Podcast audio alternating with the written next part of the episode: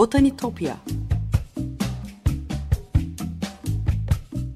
Sesli Doğa Tarihi Müzesi. Bitkiler aleminin tuhaf ve muhteşem dünyasını belgeleyen botanik sanatına dair her şey. Hazırlayan ve sunan Benan Kapucu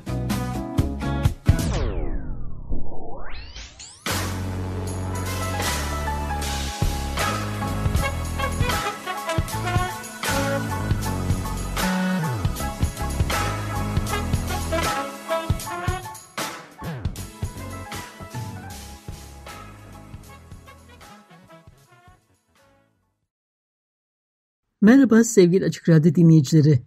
Botanitopya'ya, bitkiler aleminin tuhaf ve muhteşem dünyasına hoş geldiniz. Anlatıcınız ben, Benan Kapucu. botanitopya.gmail.com elektronik posta adresinden ya da aynı adlı Twitter hesabımdan her zaman bana ulaşabilir. Yorumlarınızı varsa anlatım konuya dair katkılarınızı paylaşabilirsiniz.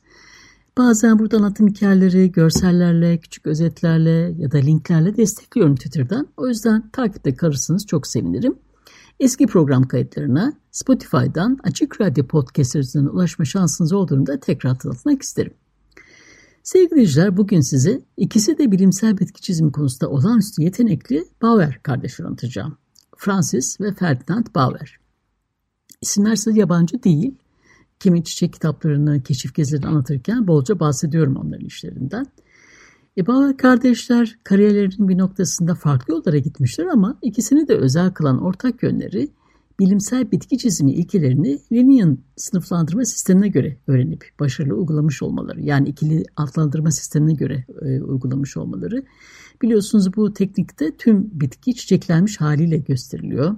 Yaşam döngüsünü anlatmak için de farklı evrelere ait e, tomurcuk ve meyveleri ayrı ayrı temsil ediliyor. Genellikle iç yapısını göstermek için de kesit alınıp öyle çiziliyor ki bugün de hala bilimsel bitki çiziminde benzer anlatım tekniğini kullanıyoruz. Yaşam öykülerine bakarsak Francis ve Ferdinand Bauer Avusturya'nın Felsberg kentinde şimdi Çek Cumhuriyeti sınırları içinde olan Valtes kasabasında doğmuş. Yetenek aileden geliyor. Babaları Lucas Bauer, Liechtenstein Prens'ten saray ressamı. E, babaları onlar çok küçükken hayatını kaybetmiştir ama anneleri Therese, Francis, Ferdinand ve kardeşleri Joseph'in babalarının eserlerini kopyalayarak bu işi öğrenmelerini sağlar. Babasız kalan çocuklarına yol gösterebilecek akıl hocası da bulacaktır. Felsberg'deki manastırın da baş rahip olan anatomist, doktor ve botanikçi Norbert Bocchius gibi. Bocchius 1600'lerin e, başında Felsberg'de kurulmuş olan The Order of the Merciful Brothers, merhametli kardeşler tarikatının en önde gelen isimlerinden biriydi. Kendi hastanelerinde hem aristokrasi üyelerine hem de sıradan insanlara tıbbi tedavi ve hemşirelik hizmeti veriyorlardı. Tıp ve cerrahi eğitimini Viyana'daki bir üniversiteden almış olan Bocchius, e, doktor olan babasının izinden giderek Voltes kasabasına taşınmış. E, bu bölgede tıbbi bakım kalitesini arttırmak ve öğrencilere tıp eğitimi vermek için çalışmaya başlamıştı e, vaktinin bir bölümünde tıbbi koleksiyonlara ayırır. Yani şifalı bitkilerin koleksiyonlarına ayırır. E, Manastır'da şifalı bitki bahçeleri ve üzüm bağları da kurar. Üç kardeşi himayesine alan Bocchius e, biraz da kendi projesini düşünerek çocukları Felsberg Manastırı'nın bahçesindeki şifalı bitkileri resmetmesi için eğitmeye başlar. Joseph e, daha çok e, manzara ve minyatür resmine yönelir. E, Francis ve Ferdinand da onun rehberliği ve sanat eğitmenliği sayesinde çok iyi birer doğa gözlemcisi olur. Bu Bocchius hem yerli hem de egzotik yaklaşık 3000 bitkinin resimlerini Liber Regni Vegetabilis ya da diğer adıyla Codex Liechtenstein e, eserinde bir araya getirmişti. Bu kodeksteki resimlerin yarısından fazlası Bauer kardeşlere ait ama hangisinin hangi çizimi yaptığını belirlemek kimi zaman mümkün olmuyor. E, Francis ve Ferdinand e, kara kalem taslak çizimlerinden Sulbo'ya kadar süreç e, boyunca birlikte çalışmış olmalı. Ferdinand daha sonra onun imzası olacak bir renk şemasıyla sayısal olarak kodlanmış olan kurşun kalem eskizleriyle işe başlıyordu. Renk kodlama sistemine göre pigment tariflerini de doğru uygularlarsa biri diğerinin yaptığı eskizi doğru renklerle resme dönüştürebiliyordu.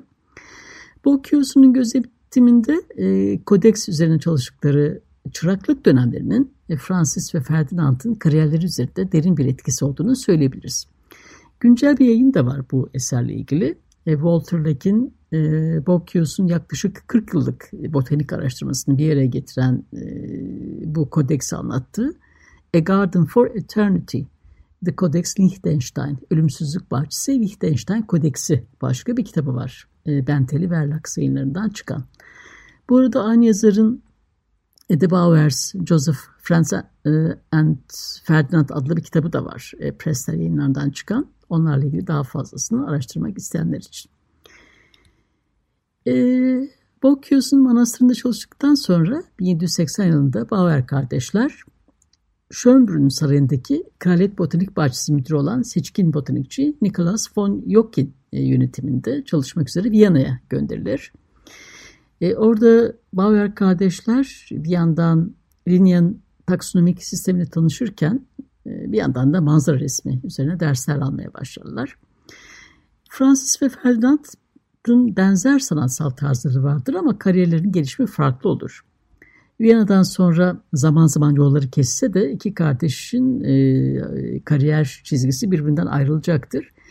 Francis Bauer e, onun yeteneğini fark eden Nicholas von Yaken'in oğlu e, Joseph ile birlikte Avrupa'yı dolaşmaya karar verir. Avrupa turunun duraklarından biri Joseph Banks'ın Londra koleksiyonudur. Onunla tanıştıktan sonra e, Banks'in yılda 300 sterlin karşında teknik ressamlık iş teklifini kabul eder Francis Bauer ve Kewen ilk yerleşik botanik sanatçısı olur. E, ölümüne kadar da orada kalacaktır. Majestelerinin botanik resim olarak Bauer'in görevi e, bahçelere gelen yeni bitkileri kaydetmek ve kraliyetin ileri gelen hanımlarına sanat dersleri vermekti. E, Francis e, ayrıntılı çizimler yapabilmek için mikroskop kullanıyordu. Bunu da önce olduğunu söyleyebiliriz.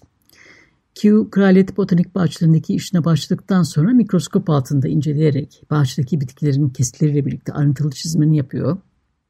E, çalışmalarının litografik e, taş baskı kopyalarının da elde renklendirilmesine büyük özen gösteriyordu.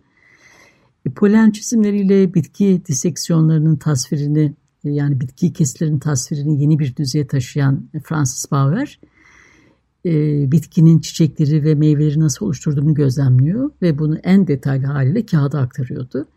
Karmaşık detaylı çizimlerinin mikroskop görüntülerine bakarak yaptığı polen illüstrasyonlarının özellikle orkide türlerinin sınıflandırılmasında çok katkısı olduğu biliniyor.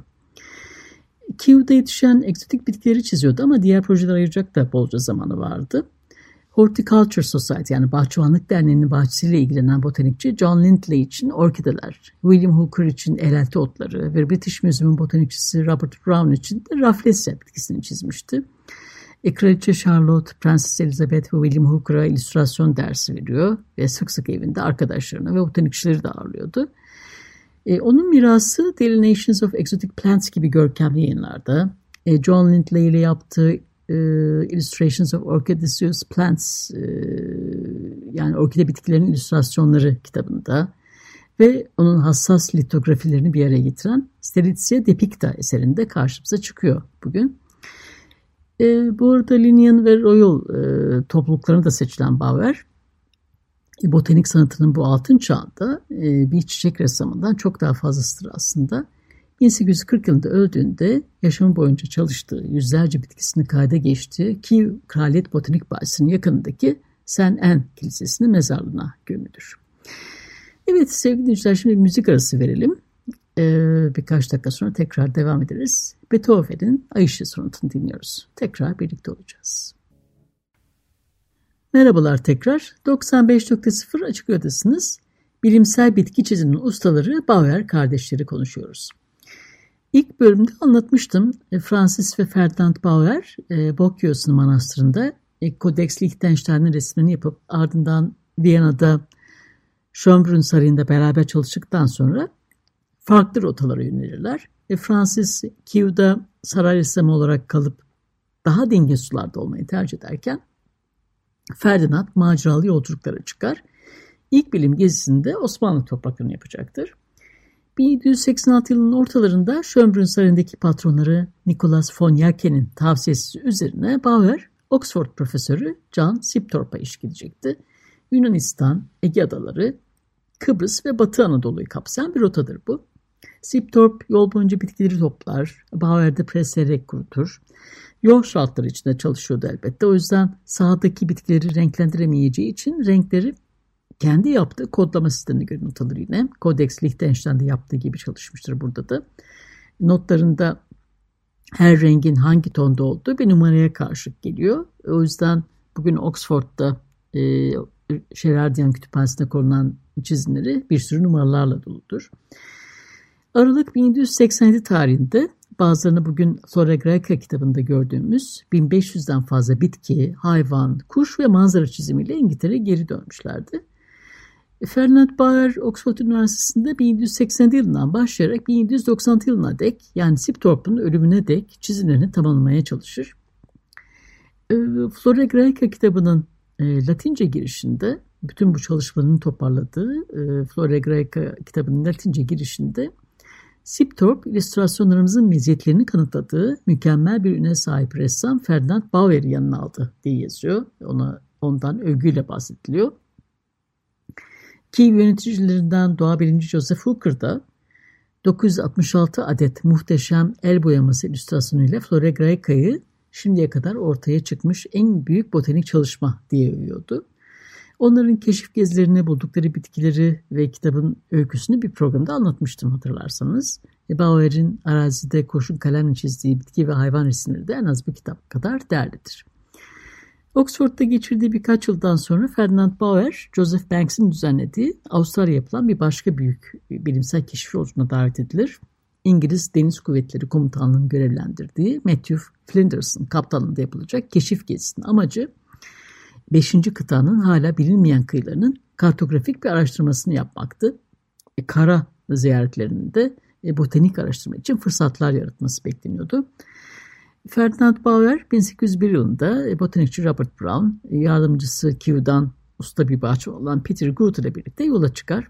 E, botanikçiler Kew için canlı bitki ve tohum, e, Sir Joseph Banks'in herbaryum için kurutulmuş örnek toplarken Flinders kıyılarının kartografyası üzerine çalışacak.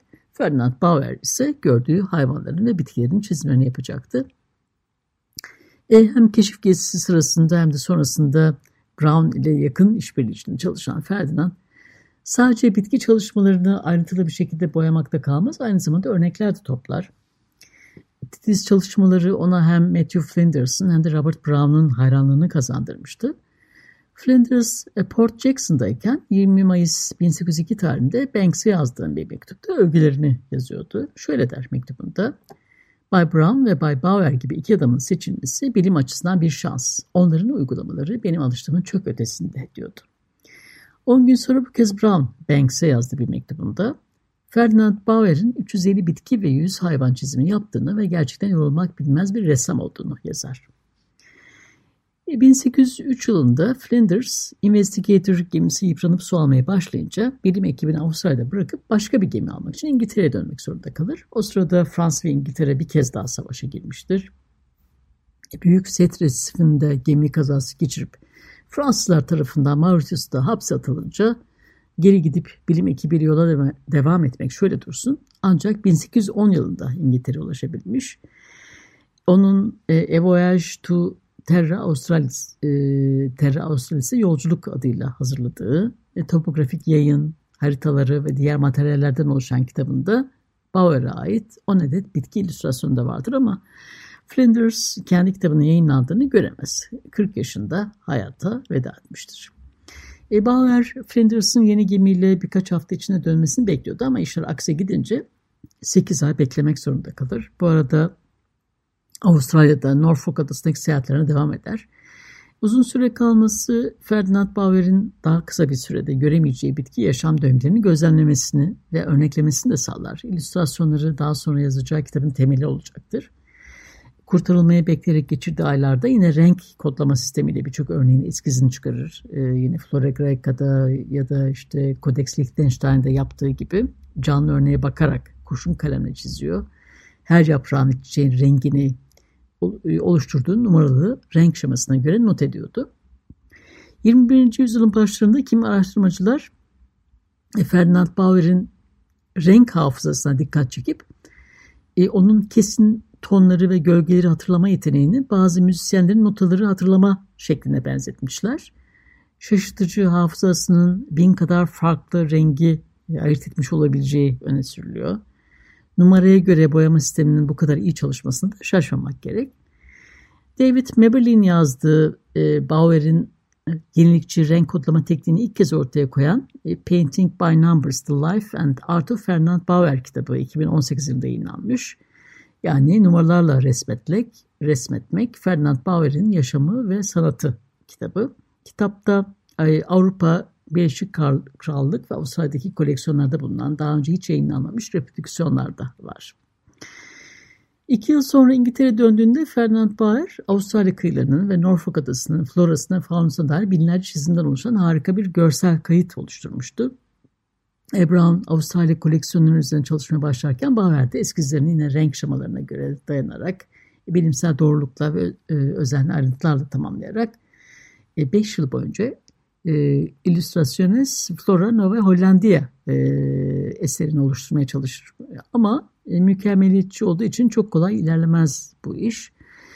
O sırada Kew Gardens'ta botanik sanatçısı olarak çalışan kardeşi, kardeşi Francis Bauer, Ferdinand'ın e, onun ayrıntılı çizimlerini levhalara aktaracak yetenekli bir gravür ustası bulamadığını, eserin her bölümünü bizzat kendisini yapmak zorunda kaldığını yazmıştır. Ancak 15 levha yenilebilir. E, maliyeti de karşılayamadığı için projeyi sonlandırmak zorunda kalır.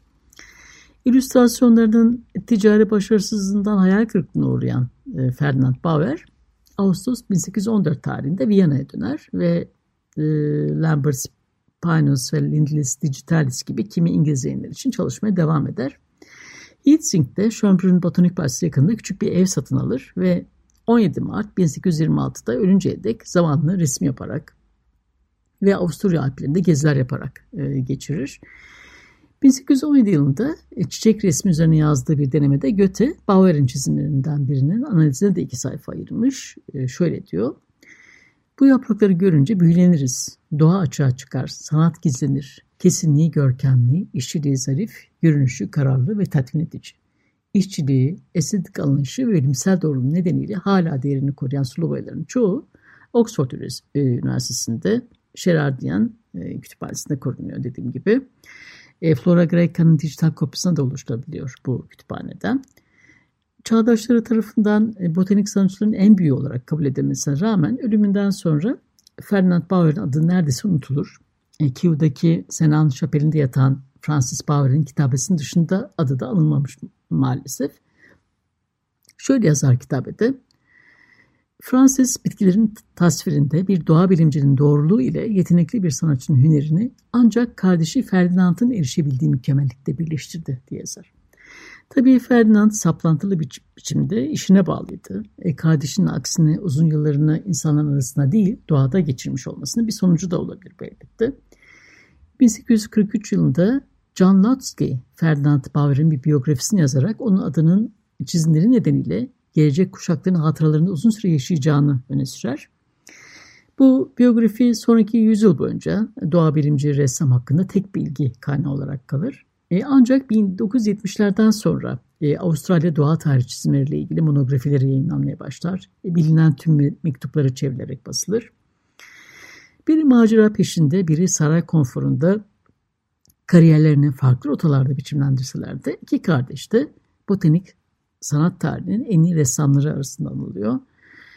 E, Bauer'a bitki cinsi, bir orkide türü olan Prasophilium baueri, Galler'e özgü bir bitki olan Grevilla baueri ve Eucalyptus bauerniana onların adını olan, onurlandırıyor. Evet sevgili dinleyiciler, Botanitopya'daki keşif yolcumuz bu hafta da buraya kadar. Program destekçilerime gönülden teşekkürlerimi iletiyorum burada. Yeni yayın döneminde tekrar buluşmak üzere. Sevgiyle ve doğayla kalın.